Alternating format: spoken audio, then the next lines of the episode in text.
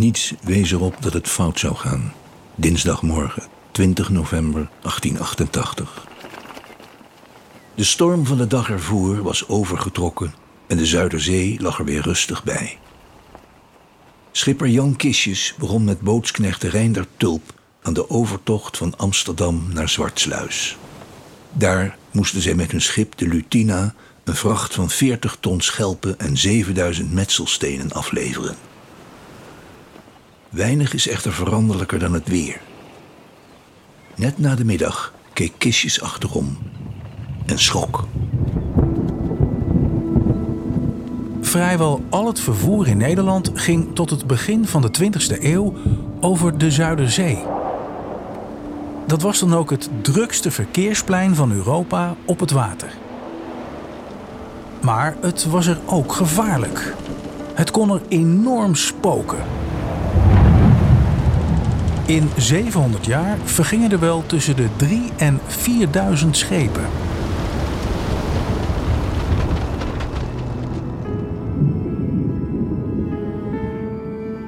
Dat veranderde met de voltooiing van de afsluitdijk in 1932. Voortvarende bewoners van Wieringen staan gereed om even naar Friesland over te wippen. De Zuiderzee werd het IJsselmeer en een deel daarvan werd ingepolderd. Maar in de bodem van dat nieuwe land liggen dus nog steeds de resten van honderden scheepswrakken. De provincie Flevoland herbergt dan ook het grootste scheepskerkhof ter wereld op het land. Nou zijn archeologen al jaren bezig met het opgraven en identificeren van die wrakken. Maar wat vertellen die wrakken ons? Het is een momentopname die wij te zien krijgen. Een soort tijdscapsule die uit zo'n scheepswrak komt. Waarin alle spullen nog liggen op de plekken waar ze gebruikt worden, waar ze bewaard worden. En daar kunnen wij heel veel van leren over hoe men vroeger aan boord leefde. Dit is Het Wrakke Water. Een podcast van de provincie Flevoland. Ik ben Jon Hille en ik ga op zoek naar de mensen en de mysteries achter de vele scheepsrampen op de Zuiderzee. Kunnen we nog nazaten vinden en hoe identificeer je zo'n scheepswrak? Maar ook, wat waren dat voor mensen die op en met het water leefden om te overleven? Dit is aflevering 1. Het mysterie van de Lutina. Ja, Jon, de Lutina. Dat is een bijzonder verhaal waar we mee aan de slag gaan, hè? Ja, zeker. En uh, ja, daarom heb ik ook hulp gezocht bij het ontrafelen van uh, al die bijzondere verhalen. En dus ook dit verhaal. Ja, en dan kom ik eigenlijk automatisch uit bij de meest enthousiaste en bevlogen specialist op dit gebied. Uh, en dat ben jij, maritieme archeoloog Iftinus van Popta. Ja, jij bent eigenlijk ook gewoon mede-presentator van deze podcastserie.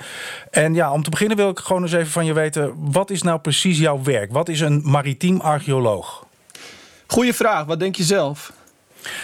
Nou, ik denk iemand die zich vooral bezighoudt met uh, archeologie die te maken heeft met wat er uh, ja, op en in zee, en dan met name in de zeebodem, denk ik, is te vinden. Ja, nou, daar heb je de, de essentie eigenlijk wel mee te pakken. Uh, een maritiem archeoloog die onderzoekt, als je het heel netjes wil zeggen, de interactie tussen de mens en het water, of, of de zee in, in uh, betere begrippen. En een archeoloog bestudeert altijd fysieke overblijfselen, dus we, graven dingen op uit het verleden. En ja, als je dan maritiem erbij pakt, dan kom je al heel snel bij scheepswrakken terecht. En daarvan hebben we in Nederland echt meer dan genoeg. Nou, onderzoek daarna wordt echt al, al heel lang gedaan. Maar ik benadruk ook vaak dat het is heel belangrijk om dat ook nu vooral te doen. Want bijvoorbeeld de Zuiderzee bestaat al meer dan nou ja, bijna 100 jaar niet meer. Um, de verhalen uit die tijd, de mensen die de zee hebben gekend, die zijn er al bijna niet meer. Dus als we nog veel willen weten over de wrakken en de schepen van die tijd, dan moeten we daar nu actie in ondernemen. Dus we moeten mensen spreken, we moeten historisch onderzoek doen, nazaten te pakken krijgen, zodat we zoveel mogelijk kunnen achterhalen over die schepen en dan dus nu de wrakken van toen. Ja, nou ja, dat is eigenlijk ook een van de belangrijkste redenen die je daar noemt. Uh, waarom we deze podcast samen gaan maken. Ja, en in de eerste aflevering gaan we het hebben over de Lutina. Wat kun je over dit schip vertellen en waarom is dit verhaal van de Lutina zo interessant? Ja, de Lutina in de eerste plaats uh, was een vrachtschip. Een houten vrachtschip uit de 19e eeuw. Van het type praam. Dat is een heel standaard vrachtschip. Een beetje net als de Tjalk. Uh, in dit geval een hoge Veense praam. En aan boord waren twee opvarenden. Een, een schipper, Jan Kistjes, met zijn knecht Reinder Tulp. En de, deze kistjes die was uh, ja, onderweg vanuit Den Briel naar Zwartsluis. Dus hij moest de Zuiderzee over. Hij had aan boord had hij een lading schelpen, 40 ton om precies te zijn. En 7000 metselstenen. Ja, dus uh, laten we zeggen een zwaar geladen schip. Ja. En wat gebeurt er dan? Het, uh, het noodlot slaat toe, 20 november 1888. Het schip is behoorlijk zwaar, een flinke storm ontstaat, onweersbuien kistjes uh, die hijst dan de noodvlag. En uh, hij probeert nog lading overboord te zetten om het schip lichter te maken. Maar ja, tevergeefs. Uiteindelijk uh, verdrinken hij en zijn knecht op de Zuiderzee. Dus behoorlijk tragisch verhaal. Maar dat wrak en die lading dat wordt later weer teruggevonden. Maar in het geval van de Lutina is er ook een hele bijzondere vondst. En dat zorgt er uiteindelijk voor dat een aantal jaren na de opgraving dit wrak kon worden geïdentificeerd. En daarom ook het thema van deze aflevering. Oké, ja, nou je maakt me wel nieuwsgierig. Want wat was dat dan? Wat er zo bijzonder was, uh, wat ze ook nog hebben gevonden daar aan boord? Ja, nou, deze aflevering heet niet voor niets het mysterie van de Lutina. Maar voordat we dat vertellen, gaan we even terug naar 1982. Want er was toen een tentoonstelling in Ketelhaven in het museum met de nazaten van die Jan Kistjes, Rijn de Tulp. En ze werden uitgenodigd om de resten van het schip daar te komen bekijken. In het Scheepsarcheologisch Museum werden ze geconfronteerd met de spulletjes die grootvader en overgrootvader bijna een eeuw geleden aan boord hadden. U bent kleinzoon van de schipper, hè? Ja. Hoe, uh, hoe is dat nou om uh, al die spullen van uw grootvader te zien? Um, ja, wat zou ik zeggen? Mijn grootvader, we hebben hem nooit gekend. We weten er helemaal niks van. Dit is een fragment uit het programma Van Gewest tot Gewest. Dat was zeg maar het hart van Nederland van de jaren 80.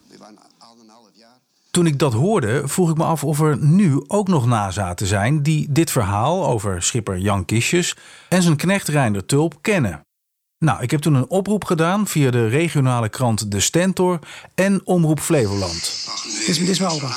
Dit is opa. Dit is de stem van Han Dijkstra. Hij hoorde mijn oproep en nam contact met me op. Han vertelt me dat hij een nazaat is van Jan Kistjes. Ik spreek met hem af in het Museum van Batavialand in Lelystad, waar ik hem het tv-fragment op mijn telefoon laat horen. En toch is het interessant. Het is interessant. Wie is dat? Ja, het zou een van mijn tante zijn, denk ik. maar wie het is precies, weet ik niet. Maar uh, mijn opa herkende ik. Ja. Als je dat nou ziet, uh, doet het je iets? Ja, zeker. Heel veel. Heel veel. Han hoort dit voor het eerst, want hij was pas één jaar oud toen dit werd uitgezonden. Wat is het toch wat, die novemberstorm. Ze zegt van grootvader is met schip bij Schokland vergaan. En we hebben er nooit weer wat van gehoord. Nou, inmiddels weten we wel meer over het lot van Jan Kistjes. Joran Smalen is hoofdconservator van Batavialand, dat naast een museum tegelijkertijd het erfgoedpark voor scheepsarcheologie herbergt. En het museum is voor hem meer dan een verzameling van oude objecten en historische vondsten. Nou ja, als je hier rondloopt en, en als ik mensen rondleid, dan uh, vertel ik ook wel eens: dit is eigenlijk een hele tragische collectie. Want het is eigenlijk met enkele uitzonderingen misschien uh, bijna nooit de bedoeling dat een schip vergaat. Joran koestert zijn collectie, maar beseft zich wel degelijk dat achter al die objecten vaak persoonlijke drama's schuilgaan. Er zijn wel verhalen bekend van reddingen, van mensen die op een, uh, in een bootje stappen, die worden opgepikt door andere schepen.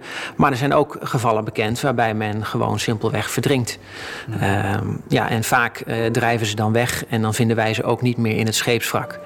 Dus hè, dat, is, dat is moeilijk te zeggen als je niet die precieze afloop kent uit een historische bron.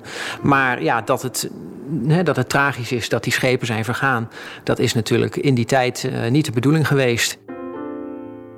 En die tragiek schuilt ook achter het verhaal van schipper Jan Kistjes en zijn knecht Reinder Tulp. Want ze hadden samen al twintig jaar op de Lutina vracht vervoerd. En we weten inmiddels uit overlevering dat ze hadden besloten om na deze klus te stoppen met varen. Het lot bepaalde echter op een zeer dramatische wijze dat dit ook letterlijk hun laatste tocht werd. De tentoonstelling over de Lutina is inmiddels verhuisd van Ketelhaven naar Batavialand. En dat is om meerdere redenen een hele bijzondere tentoonstelling geworden. Ik loop er samen met conservator Joran Smalen naartoe. En daar treffen we Han Dijkstra weer, die ons bij de tentoonstelling al staat op te wachten. Conservator Joran vertelt wat we zien. Voorbeelden van, van lading. Ja, dit, dit is echt de Lutina wat je hier ziet? Dit is Lutina. Ja, ja, ja. Komt eruit. Ja. Eh, ongerookte pijpen. Dus die hè, mogelijk ook voor een verkoop eh, aan boord waargenomen. Die gele eh, bakstenen en dus schelpen. Ja. Als we- Dat had hij bij zich om te vervoeren, hè? Ja. Ja, en ik, ik begrijp dat er dus heel veel terug is gevonden. Hè? Was er geld gebleven, weet je dat? Dat ligt, bij ons, eh, dat ligt bij ons in de kluis. Als je wil kan ik het, We gaan even naar de kluis dan, denk ik. Nou, als je wil kan ik die kluis voor je openmaken. Dat Oh, eh, kunnen we gewoon zien, ja. Dat Ja, zijn, die- dat zijn munten. Dat is echt zo. Die heb je hier, die heb je liggen. Ja. Oké, nou, die wil ik wel zien, ja. ja.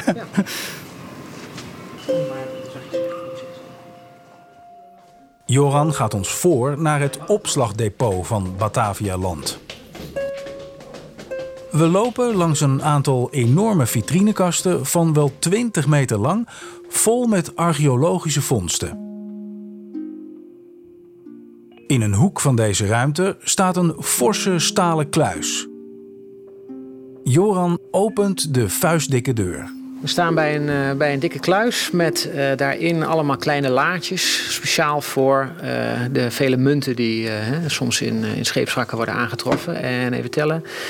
Een, een zevental van die laadjes is gewijd aan wrak OH-48. En dat is hoe de archeologen het wrak als eerste genoemd hebben toen het gevonden werd. Rijksdaalders, guldens en zelfs nog wat zilveren en koperen muntjes. eh. Dit ligt in, in, in een kluis omdat het zoveel waard is of zo? Of, want de rest is er ook... eh, of is het gewoon voor de vorm? Voor de makkelijke opberging en inderdaad, eh, hè, je hebt altijd mensen die denken dat het duizenden miljoenen waard is. Terwijl het heeft natuurlijk veel meer waarde als objecten die helpen bijvoorbeeld om een wrak te dateren. Hè, En in dit geval geven ze, hè, vertellen ze ook nog weer een verhaal bij Jan Kistjes eh, erbij. Grote munten, hè? Een heleboel rijksdaalders. Ontzettend grote munten zijn dat. Ja. Het is wel bijzonder hè, om dat nog even te zien. Ja. ja, als we het optellen komen we dan op 150 uit eh, ongeveer. Goed is. Als het goed is. Ja. Hier ook eh, een aantal guldens, zoals we die nog wel een beetje herkennen. Ja, precies. Ik wou net zeggen, het ziet er nog redelijk eh, herkenbaar uit. Ja. Is het allemaal zilver ook? Volgens mij wel. Ik weet niet of daar nog andere metalen in zitten. Hier nog Oh, daar komen wat kleine, kleine zilveren muntjes. Dubbeltje Willem 3. Duits geld. Leuk, hè? Ja, van een dubbeltje word je nooit een kwartje, zeggen ze. en dan eh, Ja. centen. Centen. Ja, en geen enkele van deze munten is dus, eh, is dus jonger dan de ondergangsdatum van het schip. Ze hebben destijds 174 gulden en 50 cent aan muntgeld in het wrak van de Lutina gevonden. Nou was de jongste munt een cent uit 1884. Door dat muntje werd de zoektocht naar het schip meteen een stuk overzichtelijker. Dan kun je ervan uitgaan dat het schip in dat jaar dan nog wel gevaren heeft. En de vraag is dan, eh, hoe lang heeft het geduurd voordat het dan daarna eh, vergaan is. Maar de archeologen noemen dat een terminus postquem, oftewel een termijn waarna. Dus eh, een, waarna het schip dan in dit geval vergaan zou moeten zijn. We lopen terug naar de vitrinekasten met vondsten uit de Lutina. Er staat vooral scheepsuitrusting in opgesteld, maar ook persoonlijke eigendommen en inventaris, zoals schoenen, smetteloos bewaard gebleven serviesgoed en ook een heel goed geconserveerde scheepspet. Maar Johan haalt ook iets uit de kast waarvan men eigenlijk eerst niet wist wat het was. Want ik heb ooit begrepen dat, eh, dat een van de aangetroffen objecten uit het wrak eh, een wandelstok moet voorstellen. En dat is feitelijk hè, voor de luisteraars een, eh, een bamboestok met een soort van, uh, van, van de wortel, zeg maar, de knop uh, eraan. En het schijnt dat pas veel later na die opgraving... dat men dat object nog eens een keer ter hand nam en dacht... hé, hey, die knop zit los. En die knop die, uh, die tilde men dus van die bamboestok af. Kijk, kijk. en toen bleek daar dus een zeer gevaarlijk steekwapen in verstopt te zitten, ja mogelijk voor de zelfverdediging uh, aan boord geweest. Kijk, daar ligt een, een heel klein petje. Ja, dat ziet er meer uit als een, echt zo'n scheepspet. Ja. ja. ja. misschien was het als hij klaar was met, met, met varen en hij ging terug naar zijn vrouw, dat hij mooi zijn pet opzette. Misschien was dat zijn zondagse kloffie uh, wel, als hij naar de kerk ging of zo. Uh. Ja, en ook die schoenen. Ja, er zitten wat gaten in of zo. Maar Dan komt Han ineens met een onverwacht verzoek. Als ik nou een hele rare vraag mag stellen, mogen wij als nazaten iets meenemen vanuit deze kast? Dan, ja, dit is Rijkscollectie. Hè? Wij zijn hier de beheerders, uh, de eigenaar. Dat is de Rijksdienst voor het Kilter Elfgoed uh, ja. moet je dan denk ik aankloppen. Ja. Er zijn allemaal procedures voor, hè, voor muse museums. ik vind het wel prachtig om iets te hebben van hem. Toch? Is dat mooi in, in, in ons huis? Of misschien voor mama of zo. Dat zou ze prachtig vinden, denk ik. Mijn moeder, ja. Ja, ja. ja. denk ik wel. Terwijl Han en zijn vrouw Marjan overleggen wat ze wel of niet zouden willen meenemen uit het museum, lopen we door naar de meest opvallende vondst in het wrak van de Lutina.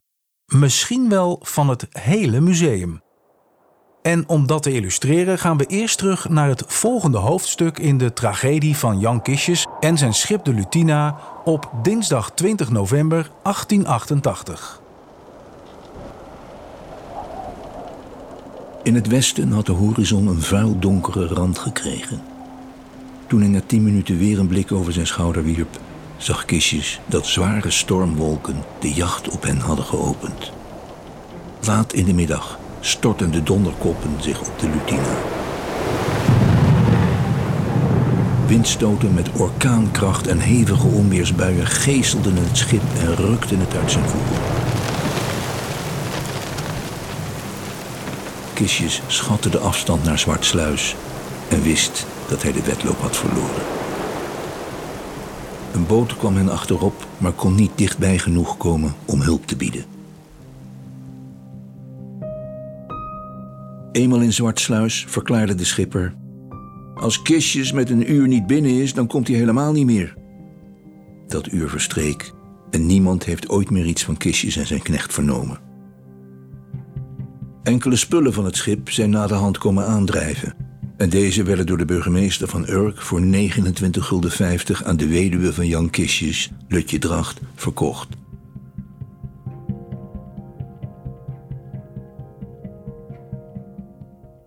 Best bizar hè, als je dan hoort dat die weduwe haar eigendommen dus weer moest terugkopen. Ja, dat heeft mij ook verbaasd. Dat is toch een beetje de wereld op zijn kop, zou je wel uh, kunnen zeggen. Weet je eigenlijk waarom ze die gevonden spullen niet gewoon uh, terug heeft gekregen, maar daar gewoon voor moest betalen? Ja, niet precies. Het is niet opgeschreven. Maar ik heb natuurlijk wel een vermoeden. En het kan best te maken hebben met nou, een klein stukje hebzucht. Of toch ook het claimen van uh, andermans eigendom op het moment dat dat ergens aanspoelt. Maar het blijft een vreemd verhaal. Ja, dat kun je wel zeggen. Nou ja, oké. Wat we nu dus weten is dat schipper Jan Kistjes en zijn knecht uh, Reiner Tulp dus inderdaad op zee zijn gebleven. Hè, zoals dat zo treffend uh, wordt genoemd. Maar wat is nou precies dat mysterie waar je het eerder over had? Ja, dat is een goed moment om aan te kaarten natuurlijk. Uh, ik ben niet degene die dat hoort te vertellen. Dat moet eigenlijk Benno van Tilburg doen. En hij was in die periode namelijk ook betrokken bij dat mysterie en bij die vondst als uh, hoofd van de Maritieme Rijkscollectie. Het was natuurlijk een prachtig verhaal, want in 1976 is het schip aangetroffen. In die tijd bestond er nog niet van dit soort instituten zoals Batavia Land of de Rijksdienst. En het was nieuw, het was onbekend. We moesten aan de slag, wederopbouw. Er moest land worden gecreëerd om, om mensen hier te laten boeren, mensen te laten wonen. En het waren vaak obstakels. Ja, inderdaad, obstakels. Maar die wrakken en dat hout, dat lag daar allemaal in de weg van die landarbeiders. Is misschien minder interessant. Tot het moment dat ze dan ineens iets heel griezeligs vinden. Een van mijn medewerkers toen, die was toen aan het graven. En dan ga je bij de archeologische opgave ga je natuurlijk heel voorzichtig graven. Maar hij stootte wel met zijn schep op een soort... Hij dacht dat het een kokosnoot was. En, en, en ging dat heel voorzichtig uitpellen uit, uit de modder, uit de aarde. En toen bleek het inderdaad een schedel te zijn. Nou, aan de schedel zat dus een heel skelet aan vast. En dat skelet zat nog helemaal in de laarzen van die persoon. En toen, het was 1888, hebben we later uitgevonden dat het schip vergaan is. Dus eind 19e eeuw. En toen konden we inderdaad ook nog met kranten naspeuren welk schip het is geweest. En wie er op dat moment van vergaan aan boord waren. En dat bleken dus twee mensen aan boord te zijn. Jan Kistjes en zijn knecht Rein Tulp. Oké, dus er is een volledig intact skelet gevonden. Maar hoe kan dat? Waarom is er iemand aan boord achtergebleven? Blijkbaar is Jan Kisters of zijn knecht is vastkomen te zitten tijdens de ramp. En dat ze naar beneden zonken. En is vastkomen te zitten onder een lier. En daarom is het lichaam al die tijd gewoon met het schip ten onder gegaan. En nooit weggedreven. Dus daarom is het schip met skelet en al aangetroffen in de gronden van, uh, van Flevoland. Oké, maar van wie was dat skelet dan? Van de schipper of van zijn maat? Nou, ze moesten dus op zoek naar nazaten van Jan Kistjes of Reinder Tulp. Ze kwamen eerst uit bij Han Dijkstra en bij zijn oom Roelof Kistjes, die een directe nazat was van Jan Kistjes. Die hebben toen een wangslijmmonster laten afnemen. Dat wangslijmmonster hebben ze onderzocht. En toen kwam er dus een match uit van 99,999. Dat het inderdaad een nazat was van Jan Kistjes. Nou, toen moesten we dus zeker het skelet van de Lutine. Dat is echt de kapitein geweest. Dat is echt Jan Kistjes.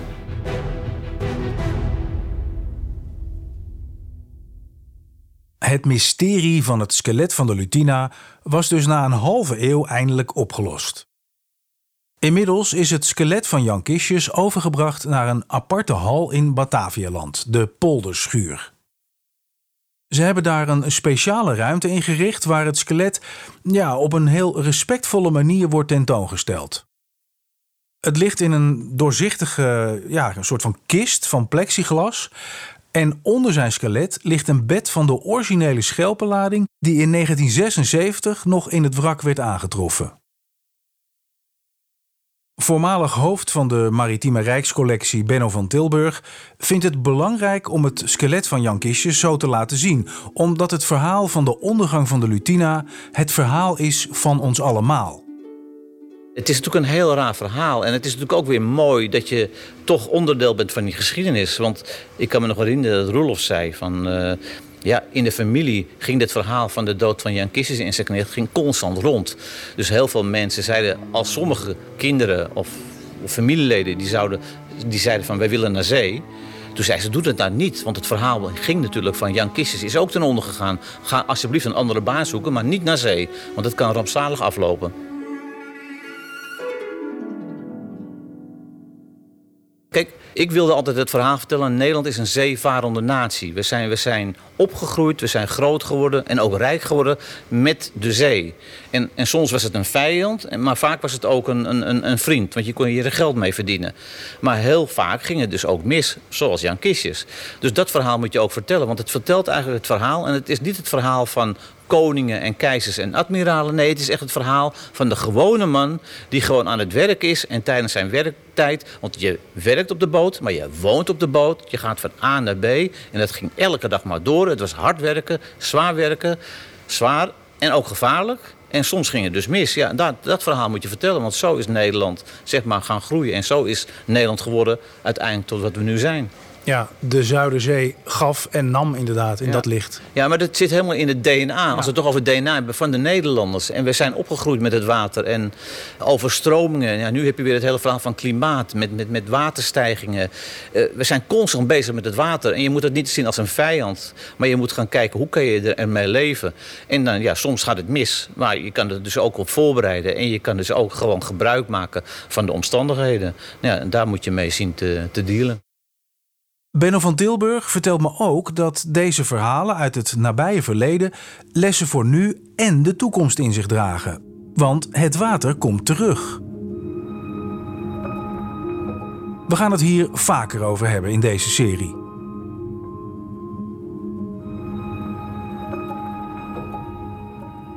Inmiddels zijn we allemaal aangekomen bij de grafkamer van Jan Kistjes. Die ruimte moet je je voorstellen als ja, zeg maar de romp van een schip aan de buitenkant, ook met, met een huid van houten planken. Maar het heeft dan gewoon een plat dak. Aan de buitenkant, in die houten wanden, zijn een paar kleine vitrines gemaakt waarachter een aantal vondsten uit het schip zijn tentoongesteld. Nou, de ingang aan de voorkant is open, maar die wordt afgesloten met een zwaar verloers gordijn. Nou, zullen we naar binnen gaan? Han en Marjan zijn hier al eerder geweest. Joran schuift het gordijn langzaam opzij. En ik vraag aan Marjan wanneer ze het skelet voor het eerst hebben gezien. Ik ben hier geweest, nou ergens in 2012 of zo, samen met Han. Omdat ik, eh, toen het werd eh, geopend, die expositie, kon ik er niet bij zijn. En ik weet dat het echt wel leeft, zeker voor Han. Eh, en ik ben zelf ook geïnteresseerd in geschiedenis, dus ik wilde heel graag mee. En dat moment was ook bijzonder. Dan sta je daar allebei je bent een soort van ja, respect verplicht of zo naar Jan Kistjes. Zo van, goh, je ligt daar wel in alle kwetsbaarheid in feite. En dat, zo hebben wij dat ook ervaren. Dat was ook een mooi moment, ook voor ons samen, om zo hier te staan bij dat skelet. En ook te denken, ja, aan de ene kant ben je een soort van trots. Ik weet niet waarom, maar hij ligt daar wel als voorbeeld van die tijd en wat er toen gebeurd is. En aan de andere kant denk je, oeh, wat heftig dat we er zo bij staan. Dat hij geen graf heeft gehad. Dat is er allebei. En toch denk ik, als ik het proef in de familie, dat het ja, belangrijkste, de belangrijkste emotie is eigenlijk een soort van trots. Van dat hij bijdraagt aan het voortdragen van het verhaal. Door op deze manier hier zo te liggen. Maar ik vind het best kwetsbaar. Ja. ja, vind je het kwetsbaar als in moeilijk of in gewoon ongemakkelijk? Nee, uh, nee kwetsbaar als niet in moeilijk, maar meer als in inderdaad, ja, intiem. Het is intiem, ja. En dat merk ik ook aan mijn man, hoor. Mhm. ja. ja. Ja. dat dat zo, dat het wel iets doet. Want het, ja, het, het is nogal wat om, zeg maar, daar zo te liggen. En natuurlijk, dat krijgt hij niet mee.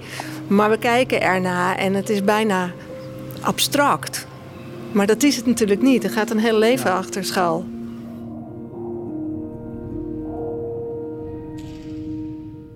Ik vraag aan Han wat voor hem de meerwaarde is van het publiekelijk tentoonstellen van het skelet van zijn overgrootvader. Want ja, eigenlijk is het best heftig. En met dit skelet kom je wel dichter bij de verhalen. Het wordt echter. En dat zal denk ik kinderen ook aanspreken van... oh, dat is dus echt. Het, is dus, het, is, het zijn dus mensen die daar hebben gestreden. Kijk, je ziet hier hout en je ziet hier allemaal dingen. Materiaal en de spullen zijn er. Maar als je dit ziet, dan raakt het je nog meer. Ik heb mezelf niet gekend, maar toch doet het iets met je. Dat is, dat is toch heel apart. En wat voel je dan nu? Nee, dat ja, ik eigenlijk niet precies. Gewoon het gevoel dat, dat, dat het familie is. En mhm. dat hij ook gestreden heeft hier op de zee waar wij nu zelf wonen. Hè. Ik bedoel, dat is ook bijzonder natuurlijk. Dat wij op de plek waar hij dus tijdens zijn werk ja, behoorlijk heeft gestreden voor de, voor de zee. En wij leven nu, we hebben de zee dan overwonnen zeg maar. En we leven nu op die bodem. Het is een dramatisch uh, verhaal. En ik, uh, nou, ik ben blij dat ik hier met jullie nog een keer... Uh, hebt mogen zijn. En dat je vanuit jouw eigen gevoel en je eigen geschiedenis daar nog een keer hebt over willen vertellen. Ja, graag gedaan.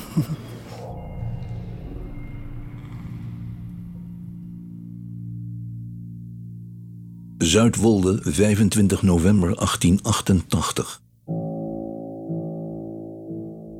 Het gerucht van het omkomen van den schipper Jan Kistjes, wonende aan de Traandijksbrug al hier, wordt meer en meer bevestigd.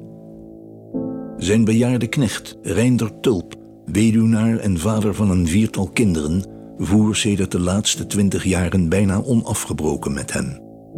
Ze deden hun laatste reis, hoogstwaarschijnlijk in alle betekenissen. Er ligt een wrak in het val van Urk dat als het schip van kistjes is herkend. Het schip was niet verzekerd. Het schijnt dat gemoedsbezwaren kistjes daarvan hebben teruggehouden. De familie, die uit vrouw en drie genoegzaam volwassen kinderen bestaat, is nog niet besloten of ze het schip zal laten lichten. Zegt dat de kosten soms de waarde van het schip te boven gaan. Te meer daar het zeerecht op de Zuiderzee schijnt mede te brengen dat al te gedienstige handen een gestrand schip van touwwerk en van alles wat niet spijker of kramvast is ontdoen. De zee krijgt dan lichte schuld, gelijk bij een brand als er wat vermist wordt, het vernielend vuur.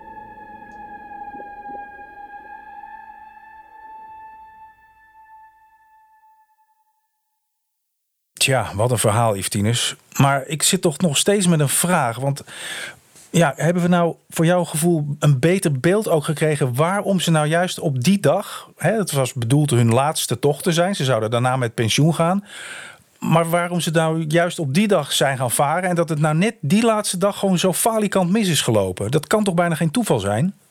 Nee, dat denk ik ook niet. Maar het is natuurlijk wel een beetje speculeren, want we kunnen het niet vragen aan iemand. Maar wat we wel weten op basis van die bijzondere skeletvondst is dat, uh, dat Jan dus heel oud was. Hij was kreupel. Uh, misschien is hij veel te lang doorgegaan.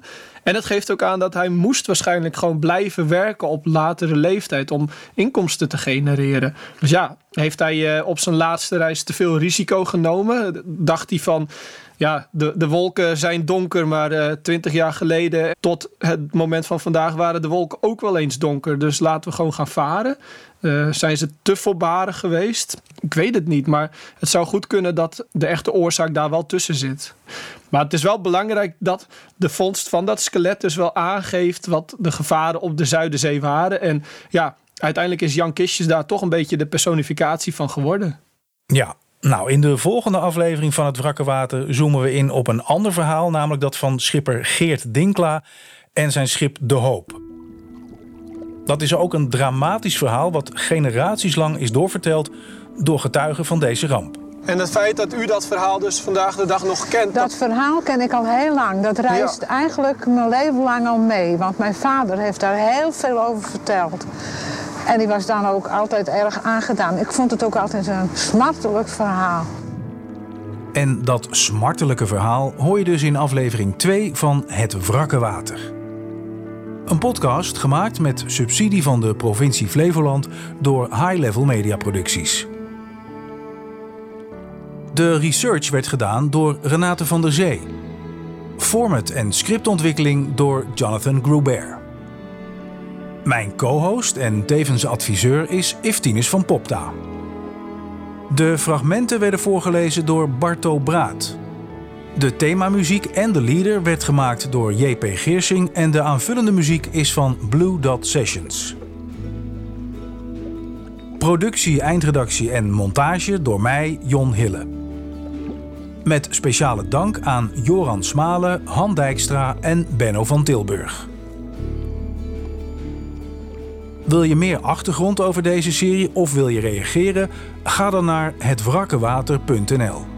En vond je de podcast mooi of interessant? Deel hem dan via social media en laat een review achter in je podcast-app. Dan help je ons echt om de podcast beter vindbaar te maken.